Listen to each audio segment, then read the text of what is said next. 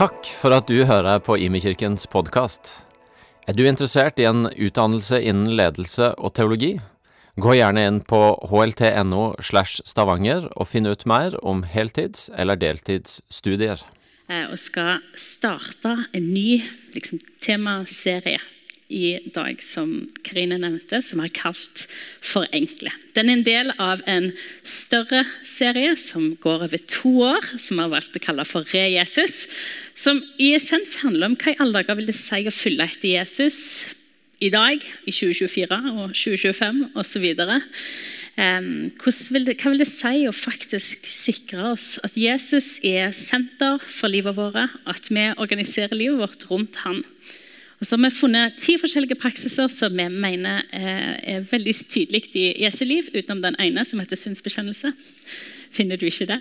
Eh, og eh, så Vi tror at alle disse hjelper oss, former oss til å være etterfølgere av Han, sånn at vi blir folk som høres ut som, ser ut som, gjør som og tenker som Jesus. Um, og vi har sett med for, Mange av oss som har jobbet med dette, har sett skikkelig fram med forventning til å begynne med denne praksisen. Jeg eh, kjenner at det er litt med sånn skrekkblanda fryd at jeg eh, føler at i dag liksom klipper vi en rødsnora, er klar for å gå i gang. Geir sa det når vi måtte lage middag. Ja, hvordan skal vi begynne med dette her? da? Så vi er klar for å finne ut hvordan det ser ut. Og jeg er klar for, jeg merker at jeg har liksom latt være å rydde i noen klesskap. Mitt klesskap, Gers klesskap, ungene sin klesskap, alle skuffene, masse greier. Og jeg bare var spart. Sparte til nå. Nå nå er det fire uker foran oss hvor vi skal downsize i alle skap og alle skuffer. Og Geir gleder seg veldig til jeg skal downsize i bokhyllene mine. Jeg sier det er mine, fordi det er i hovedsak mine. Han syns det er for mange bøker der. Og så òg i CD-ene. Og liksom, jeg føler en del på denne sida liksom bare sånn CD-er, hva er det for noe? Men noen av dere kanskje mer sånn ja, vi skjønner hva du snakker om. men jeg jeg, er veldig glad i CD-ene mine. Og Det betyr at jeg er så glad i dem at de står i to ganske svære pappesker. Og Der har de stått i ganske mange år. Og Før det så sto de ganske lenge i bokhyllene til mine foreldre før de solgte huset. Så jeg, De føles som veldig gamle venner, bare at jeg har kanskje ikke sett dem på 15 år. Men jeg er ikke helt klar til å kvitte meg med dem. kjennes det sant? Det, jeg tenker at venner er venner. Men uh, jeg tenker kanskje at når vi er i gang med å forenkle, at dette her er en god, godt sted. Vi har ikke så mye boteplass, og de står midt i kjellerstua, så det kan være det greit vi får sett på dem. Så når vi snakker om forenkle, så kjenner jeg at jeg gleder meg vanvittig til å høre om alle artige eksperimenter som jeg tror at dere kommer til å gjøre, og som jeg har planlagt å gjøre. Jeg har bl.a. sagt til ungene mine at disse ukene her, så er det sånn at dere får velge dere ett pålegg som dere skal på Nista hele uka. Jeg tenker Det forenkler min morgen sykt mye. Så, så jeg tenker at dette kan, kan utvurderes i mange forskjellige vis. Finn ut av hva som funker. De er med. Det er jo det som er så fint. ja.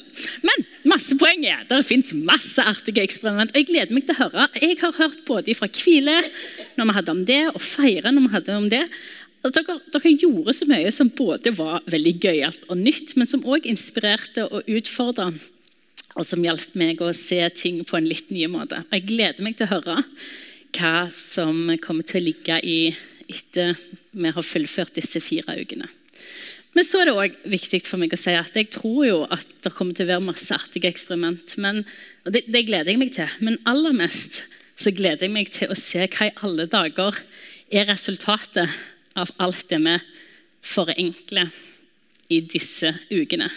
Hva står vi igjen med som essens, som sentrum, som det viktigste i livet vårt?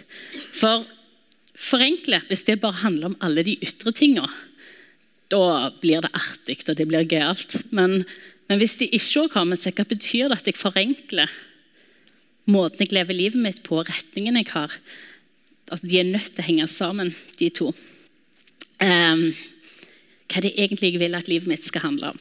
Hvordan forenkler jeg i forhold til det? Jeg gleder meg til å se hvordan det blir, selv om jeg kjenner det utfordrer meg.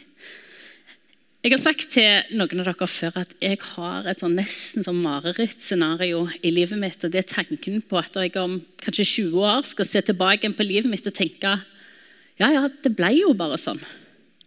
At eh, ja, nei, jeg jeg tok ikke sånn veldig aktive valg over hva som skjedde, men jeg gikk hit, og så gikk jeg dit, og så ble det sånn, og så fikk jeg den jobben, og så åpna den muligheten seg, og så tok jeg aldri helt sånn bevisste valg på hvor jeg ville hen, og hva jeg ville skulle skje, men det bare, det bare ble sånn. Skjønner dere hva jeg mener?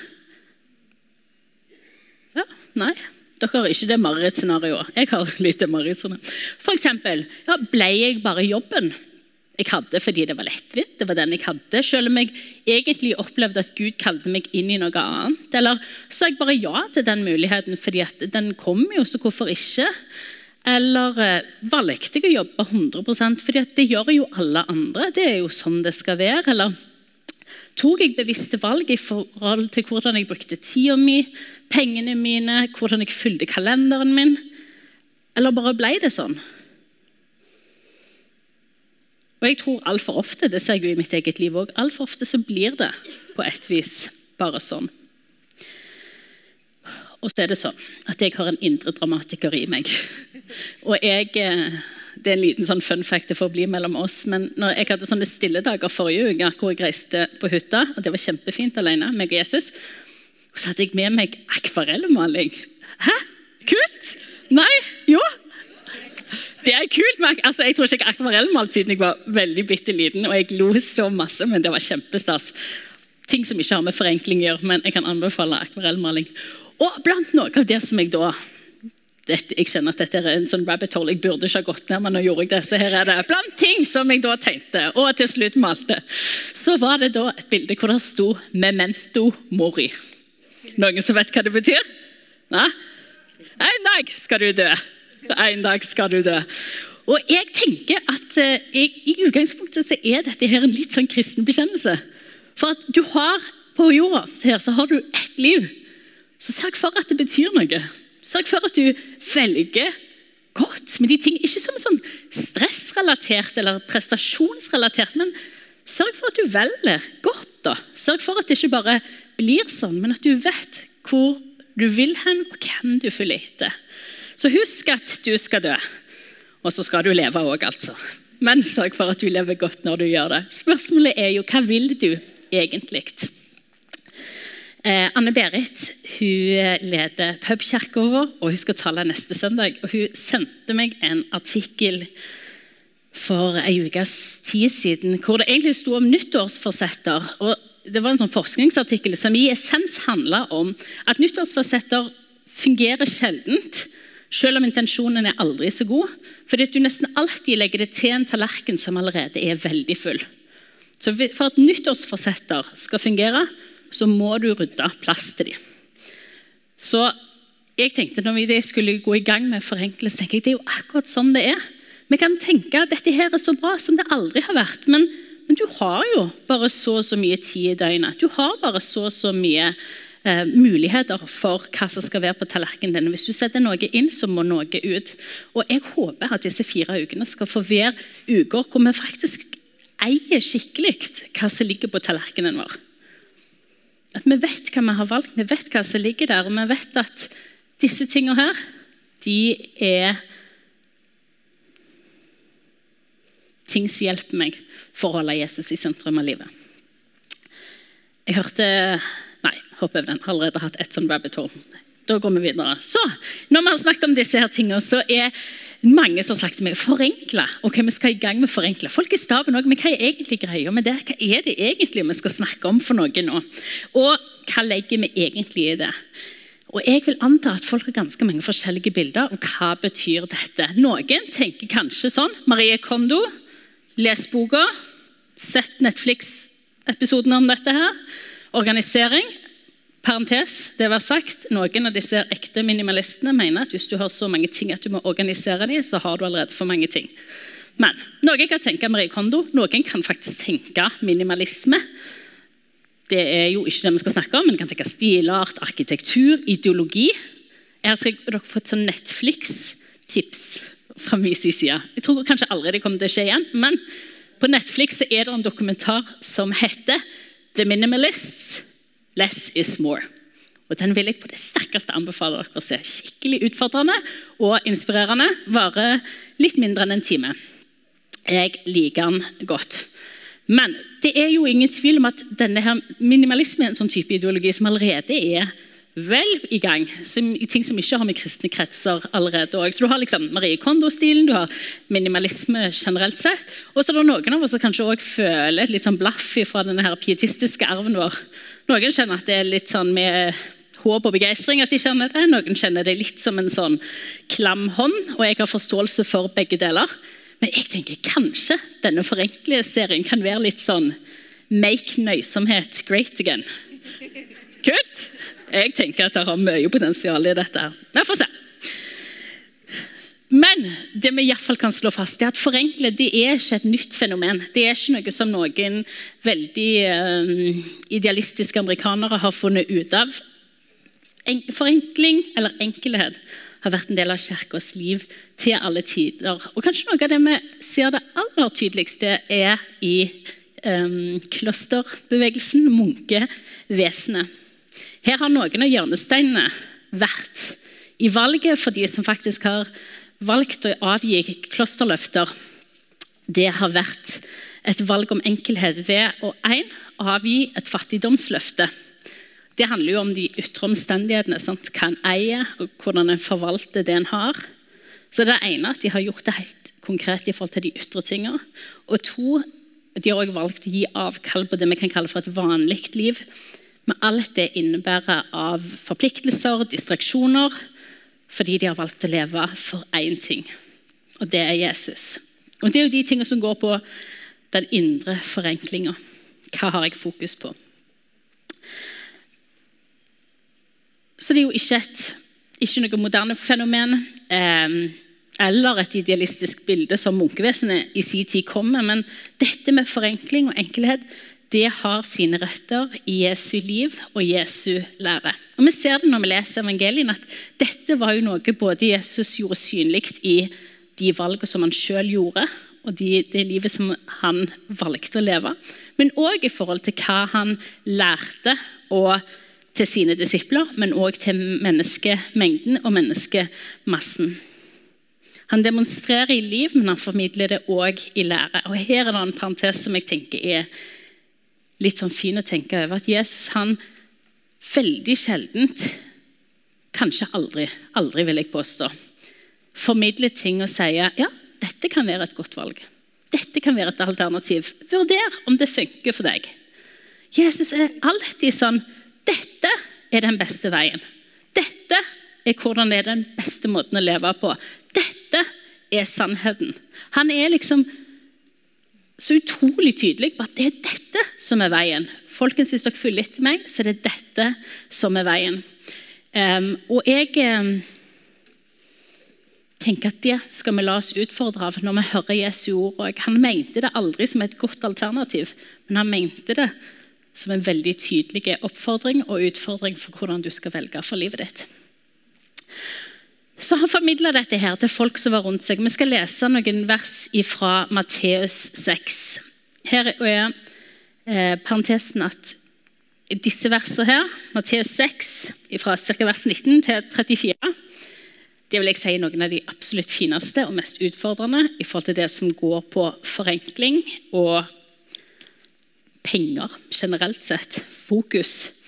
Eh, vi skal stoppe mest opp fra vers 19 til 24. Ok, Vi leser. Dere skal ikke samle skatter på jorda, hvor møll og mark ødelegger, og hvor tyver bryter inn og stjeler. Men dere skal samle skatter i himmelen, der verken møll eller mark ødelegger, og tyver ikke bryter inn og stjeler. For der skatten din er, vil òg hjertet ditt være. Vi skal lese resten etterpå. Det Jesus sier her, det er ikke invester tid og energi på ting som blir ødelagt, som blir gammelt, som blir utdatert, umoderne, kasta vekk, råtne, you name it. Ting som ikke egentlig har betydning. Ting som kan bli knabba fra veska di på bussen. Men velg å investere livet ditt i de tingene som faktisk betyr noe. Sånn som forholdet ditt til Gud og til å følge etter Han. For det er sånn at Der du gir ressursene dine inn, der legger du hjertet ditt. Vi leser videre at øya er kroppens lampe. Om øyet ditt er klart, er det fordi kroppen er fylt av lys. Men om øyet ditt er sykt, er det fordi kroppen er fylt av mørke. Er nå lyset i deg mørke, hvor dypt blir ikke da mørket? Og her skal det være sagt at noe, Når vi leser denne bibeloversettelsen på norsk, så er det noe som blir litt sånn lost in translation. For på Jesu tid så var det sånn at når du snakket om et friskt øye, så var det veldig tydelig en sånn dobbel betydning hva dette her var. Når du snakket om at noen hadde et friskt øye, så betydde det på den ene sida at de var fokuserte og levde veldig intensjonelt.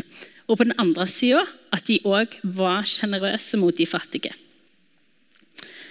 Så når du så på verden som var i nød, og folk som hadde det vanskelig, så gjorde du ditt beste for å hjelpe dem. Så Han snakker om et friskt øye, så det er det han snakker om. Og så er det jo sånn at Et sykt øye var jo da det motsatte. Det betyr at du ble distrahert når du så på alt rundt deg av glitter og vas, og mista fokus på det som virkelig betydde noe, og lukte hånda di for de fattige. Og så til slutt i eh, denne teksten, der står det Ingen kan tjene to herrer. Han vil hate den ene og elske den andre, eller holde seg til den ene og forakte den andre.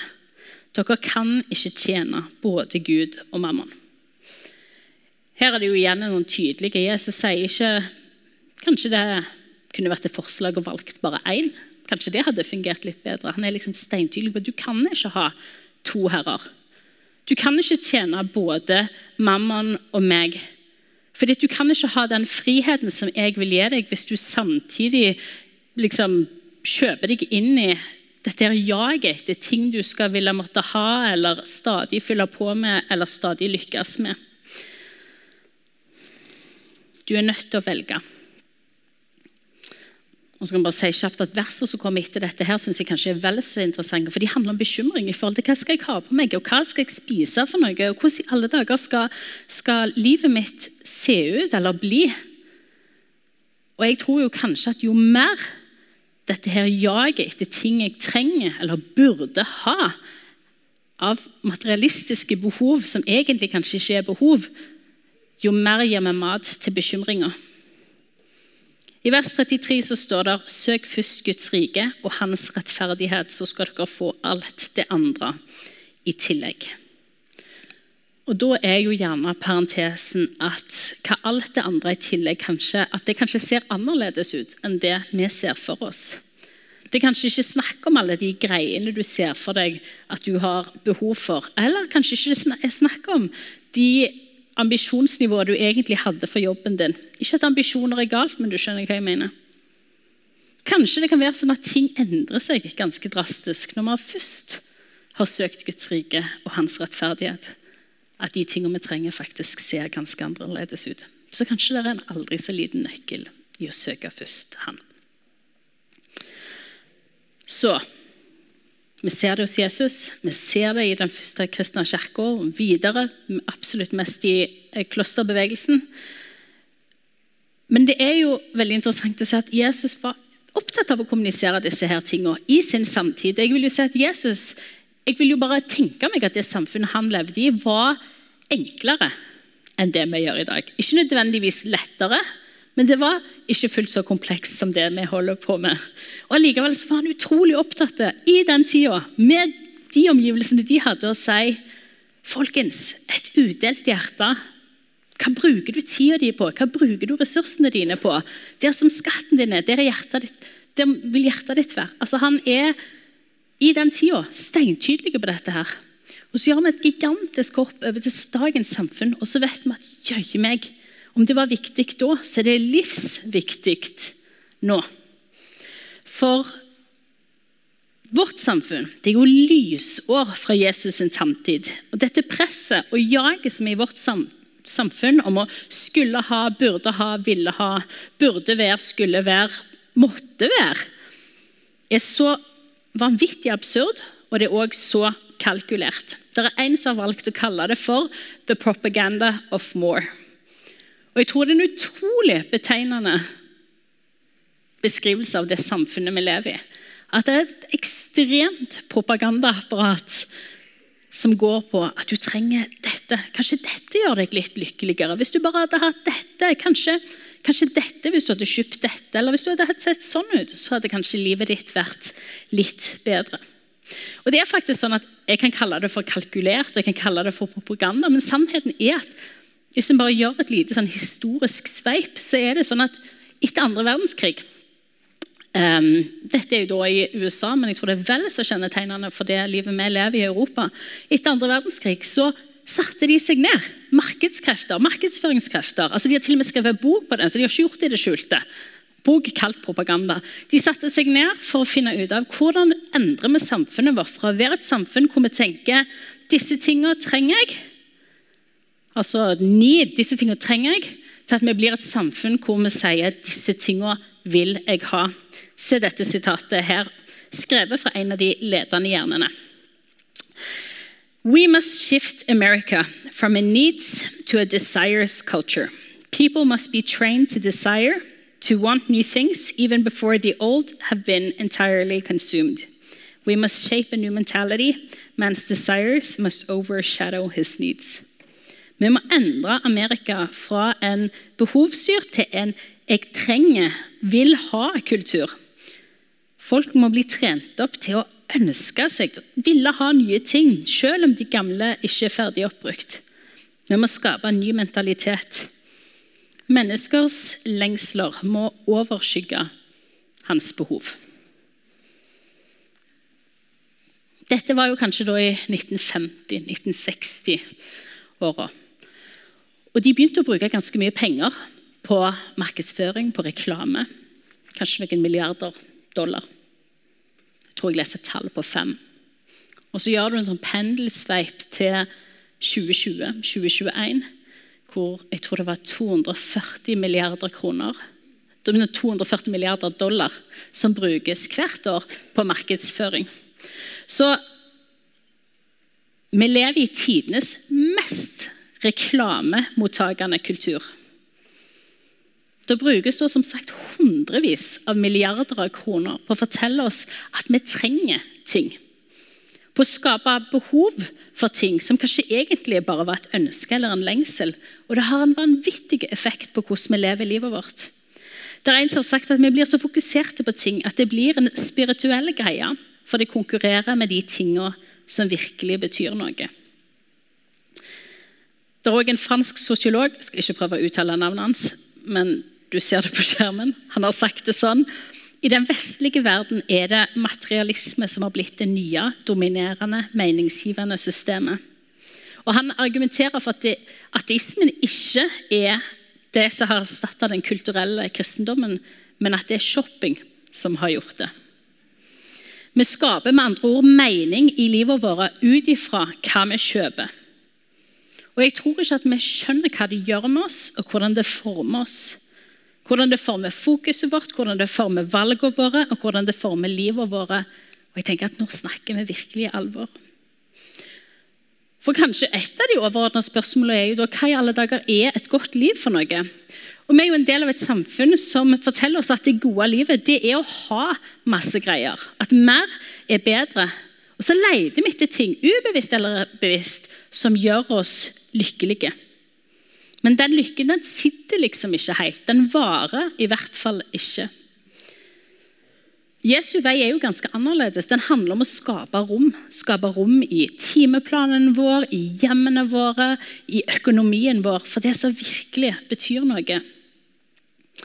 Jesu vei kaller oss jo faktisk til et liv med Jesus. Og la meg bare si det sånn at Forenkle det handler ikke om å leve et dårligere liv. Selv om det for mange kanskje høres sånn ut. Forenkle det handler snarere tvert imot om å leve et rikere, helere, dypere liv. Men det er noe fullstendig annerledes enn det det samfunnet vi er en del av, evangeliserer. John Mark Comer har sagt at det motsatte av forenkle er ikke komplisere, men det er overfladiskhet. Det er et liv som er trivielt og forfengelig. Valget vårt er mellom et dypt liv, et liv med fokus, eller overfladisk liv fullt av distraksjoner. Og så skal dere også få et sitat som faktisk er henta fra denne The Minimalist-dokumentaren av en pastor som heter Erwin McManus. Han skriver jeg skal prøve å oversette det, as we go. Grunnen til at vi er så deprimerte og så tomme når vi har så mye, er at når du får mer av den feil ting, så blir det mindre. Det er noe dypere som gjør oss fullstendige. Vårt behov for mening, vårt behov for progresjon og vårt behov for intimitet. Og Årsaken til at minimalisme sitt budskap er så kraftfull, er fordi vi fråtser i alle de feil tinga, og så dør vi av sult for de tinga som faktisk betyr noe. Jeg skal stoppe opp for den siste setningen. Det er fordi vi fråtser i alle de feil tinga, og så dør vi av sult for de tinga som faktisk betyr noe. Og jeg vil påstå at forenkla det er liksom motstandsbevegelsen mot alt dette. Fra 'jeg trenger alt dette for å bli lykkelig'. Kanskje dette gjør meg lykkelig. Kanskje hvis jeg legger dette til at jeg blir lykkeligere. Til hva er det som egentlig er viktig? Hva er det egentlig jeg sentrerer livet mitt rundt? Hva er det egentlig jeg lever for? Men forenkling er ikke enkelt. Det er motstrøms og det er motkultur i forhold til det samfunnet vi er en del av. Så jeg tror det er helt essensielt at vi må øve, vi må eksperimentere, vi må tørre å gjøre nye og annerledes ting. Og utfordrende valg, fordi de hjelper oss å sette Jesus i sentrum og la hans vei bli vår vei.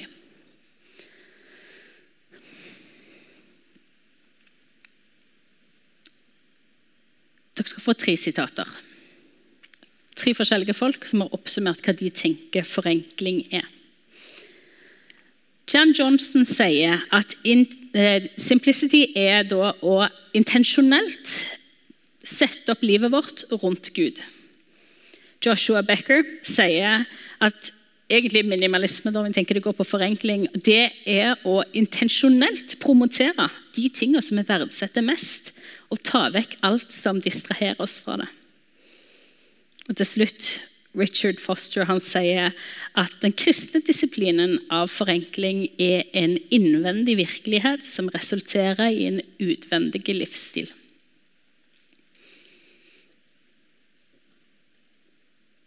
En innvendig virkelighet som resulterer i en utvendig livsstil. Og Vi skal lande bitte litt i den siste der. fordi I de neste søndagene som ligger foran oss, så vil vi absolutt utfordre på hvordan forenkle vil se ut helt konkret. Hva betyr det for oss når det gjelder um, ting eller tid? Hva betyr det at dette her faktisk har noe å si for den jorda vi er satt til å forvalte? Klima, dette vanvittige forbruket. Jag etter flere ting.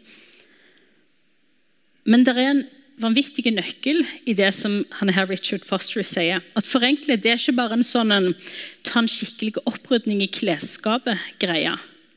Selv om jeg på det sterkeste anbefaler det òg. Setene skal ut.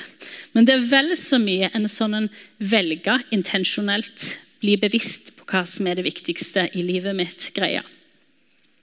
En innvendig virkelighet som blir en utvendig livsstil, og de henger sammen. Det er litt som sånn at Før du begynner å si nei til liksom, motorsykkelen din eller kokebøkene dine, eller de berømte CD-ene, så må du finne ut av hva er det du egentlig vil si ja til. Du må finne ut av hva er egentlig visjonen og verdiene for det livet du har.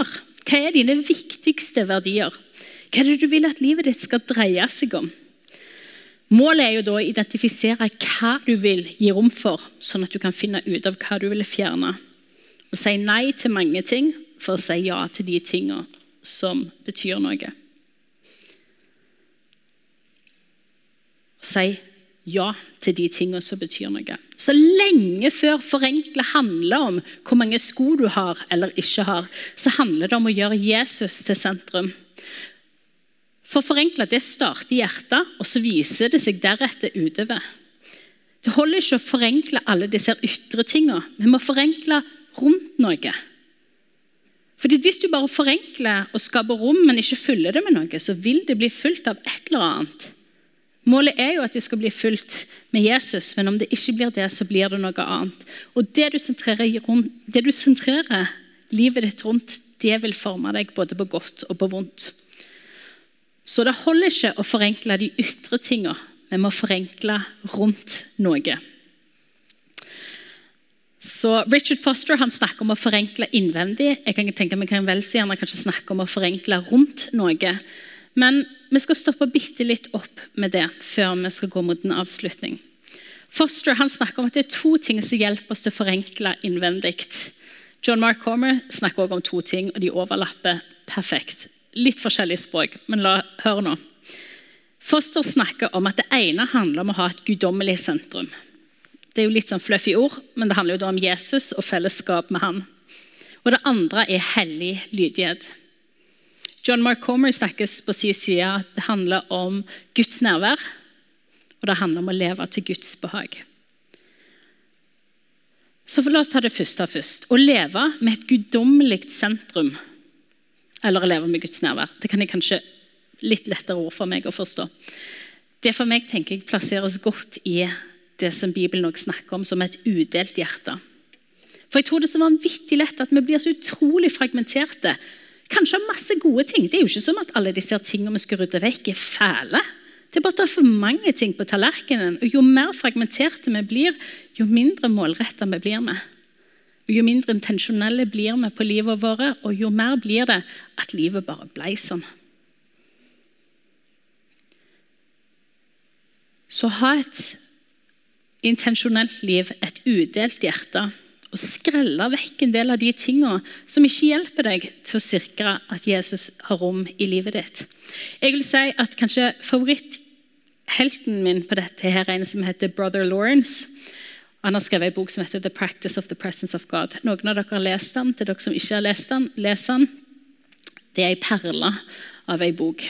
For ikke så lenge siden satt jeg rundt et bord med noen de spurte i bok har gjort mest inntrykk på deg i livet. Og det var den jeg svarte. Vi hadde gjort en avtale, det var ikke lov å si Bibelen.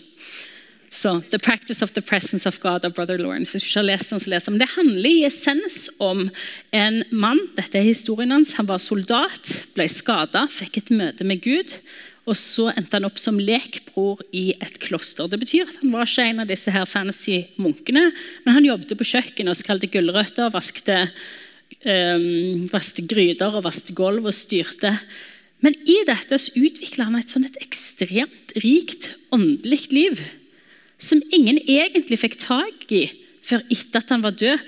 Men han hadde holdt på å skrive brev til en abbedisse, tror jeg det var, om disse refleksjonene som han gjorde seg der han gikk på kjøkkenet og skralde poteter. Og Det er det som har blitt en skatt i ettertida for oss. For Han hadde en sånn helt sånn klar forståelse av at det er ikke så farlig hva jeg gjør, for noe, for uansett hva jeg gjør, så kan jeg gjøre det i fellesskap med Gud. Og Det betyr at om jeg står her og skreller disse her potetene eller vasker opp disse her grytene, så kan jeg gjøre det sammen med Gud. Vi kan ha en kontinuerlig samtale med faktisk mens vi holder på med disse her tingene. Fordi at uansett hva jeg gjør, så er hjertet mitt å leve nært han og leve i fellesskap med han. Og Jeg kjenner jeg blir så utrolig utfordra hver gang jeg tenker på dette. For jeg merker at jeg er jo milevis av hvor livet mitt er. Jeg jobber i ei kirke. Burde ikke det være veldig høyt oppe? en del av disse her tingene? Så merker jeg bare at vet du hva, Jesus, jeg lengter sånn etter at den der kontinuerlige samtalen, opplevelsen av ditt nærvær, følger hverdagen min. At jeg får sånn skille mellom Det er så lett å lage sånn skille mellom dette er hellig og dette er sekulært. Og så, når jeg er i kirka, da er jeg nær Gud, og ser det sånn ut. Og så gjør jeg alle disse andre tingene utenom. Og så jeg, vet du hva, Livet er aller mest hverdag. Livet er aller mest vaske klær og handle og klippe plenen og plukke opp et barn i barnehagen eller gå på jobb. Altså, Livet er så vanvittig mye hverdag. Og i alt det så vil Jesus være sentrum. I alle de hverdagslige tingene så vil han være nær, gå sammen med fellesskap sant? og leve i Guds nærvær. Og at Det er ikke sånn at Jesus han er sentrum, og så går jeg bortover her og gjør de greiene, og så kommer jeg tilbake til sentrum. Men at dette gjør vi sammen. Å leve i Guds nærvær. Og Det er en vanvittig øvelse. Jeg tror det er en livslang øvelse. Men jeg kjenner at når jeg hører om det, når jeg leser om det, så tenker jeg dette har jeg så vanvittig lyst til å få inn i liksom, muskelminnet mitt. Øve til det blir en vane. Så Det var det første å leve i Guds nærvær. Det andre er hellig lydighet, eller å være til Guds glede og fornøyelse. Altså Ordet som Jesus roper, er jo 'følg meg'. Vi kan kanskje ha en hang til å kalle oss kristne, og det er på et vis vel og greit, det, men de aller første kristne kalte seg jo aldri for det. De kalte seg jo for disipler eller etterfølgere eller lærlinger, om du vil. De hadde en utrolig bevissthet i at eh, kristendom det, altså det å være med Jesus det var ikke noe du bare sa en gang, og så parkerte du deg der. Men det var en sånn livslang greie. Jeg følger etter noen.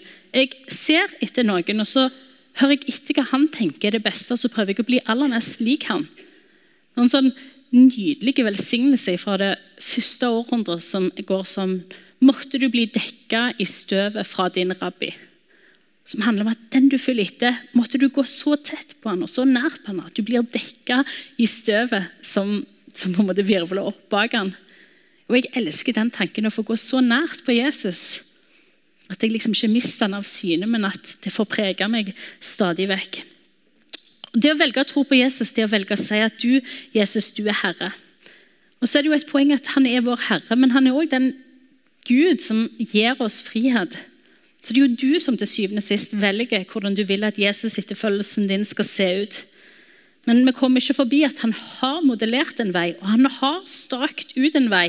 Ikke som en dette kan være et godt alternativ, men som at dette er det beste. Dette er sannheten. Det er dette som er veien. Og som han ikke vil at vi skal høre etter eller gjøre fordi han har bare lyst til at vi skal høre etter og gjøre det, men fordi han mener det er det beste. Så sentrumet vårt er Jesus, og ja-et vårt er å følge etter han å følge etter han og la seg forme av han. Og En har sagt at i essens vil det si å leve og elske som Jesus. Det å følge etter Jesus. Å leve og elske som Jesus. Og Hva i alle dager betyr det? Vi har snakket om her at det å følge etter Jesus betyr å være med Jesus, og bli lik han og gjøre det som han ville gjort hvis han var deg. For deg, med de omgivelsene du har, med de nådegavene som du har, med den personligheten som du har, hva i alle dager betyr det for deg å følge etter Jesus, å leve og elske som han? Spørsmålet er jo hva vil du, hvor vil du, og hva tar du vekk for å gi rom for det? Og til slutt så er jo spørsmålet hva er egentlig det viktigste? Vi forenkler ikke for forenklingens skyld, men for å leve intensjonelle liv. Å forenkle det er liksom bare verktøyet. Det er bare en praksis som hjelper oss til å gjøre det viktigste viktigst. Og at det fokuset får prege hvordan vi bruker tida vår, fokuset vårt og pengene våre. Så vi sikrer oss at vi sentrerer livet vårt rundt Jesus. Hva rommer livet ditt? Hva vil du at det skal romme? Hvordan er det synlig i det du fyller livet ditt med, at det viktigste er det viktigste? Når dere kom inn, så fikk dere et klistremerke. Gjorde dere det? Jeg har hekta det på telefonen min allerede, så jeg har det ikke her. Men det viser jo da symbolet som er for forenkle. Og Det er en runding, og jeg tenker at hver gang jeg vil se den rundingen, så vil jeg skal minne meg om to ting. Det ene er at det er 100% nok, det som Jesus gjorde. Det han gjorde på korset, det er nok. Ingenting av det jeg gjør, trekker fra eller legger til noen ting på det. Han har sagt et rungende ja til meg og til deg. Og det står fast uansett hva som skjer. Den sirkelen den er helt komplett. Han gjorde alt. Men det andre jeg vil at han skal minne meg om at jeg har et sentrum i livet mitt. Og Jeg vil at det skal være en bønn for de ukene som ligger foran. Ikke bare mens vi snakker om forenkle, men at det skal få være en bønn i livet mitt at Jesus, at du skal være sentrum. Og at jeg skal få rydda vekk, sånn at det blir rikelig rom for at han skal få være nettopp det. Dere kan få reise dere, og så skal vi be. Jesus, jeg takker deg for at du er Herre. Og Jeg takker deg for at du vil ha fellesskap. Jeg takker deg for at du er ikke en herre som springer langt av gårde uten oss, Jesus, eller som dikterer fra et eller annet sted høyt oppe. Men at du er herre som vandrer sammen med, og som leder vei som ikke kaller oss til noe annet enn det som du allerede har modellert. Og Jesus, Vi har så lyst til å se at vi har lyst til å være folk som, som slår opp livene våre rundt deg. Så velger ting som hjelper oss til å ha deg i sentrum, og tar vekk ting som ikke hjelper oss til det, Jesus. Jeg ber om at du skal vise oss det i ukene som ligger foran. Gode ting vi kan få fortsette å holde på, men kanskje òg gode ting som vi legger vekk for en fase. Jesus, jeg ber om du skal hjelpe oss å forenkle innvendig, så vi vet så tydelig hva vi sier ja til. At livet ikke bare blir sånn, men at vi velger aktivt hva vi vil at det skal være. At vi bruker dette livet som du har gitt oss, på en måte som gjør deg ære. Amen.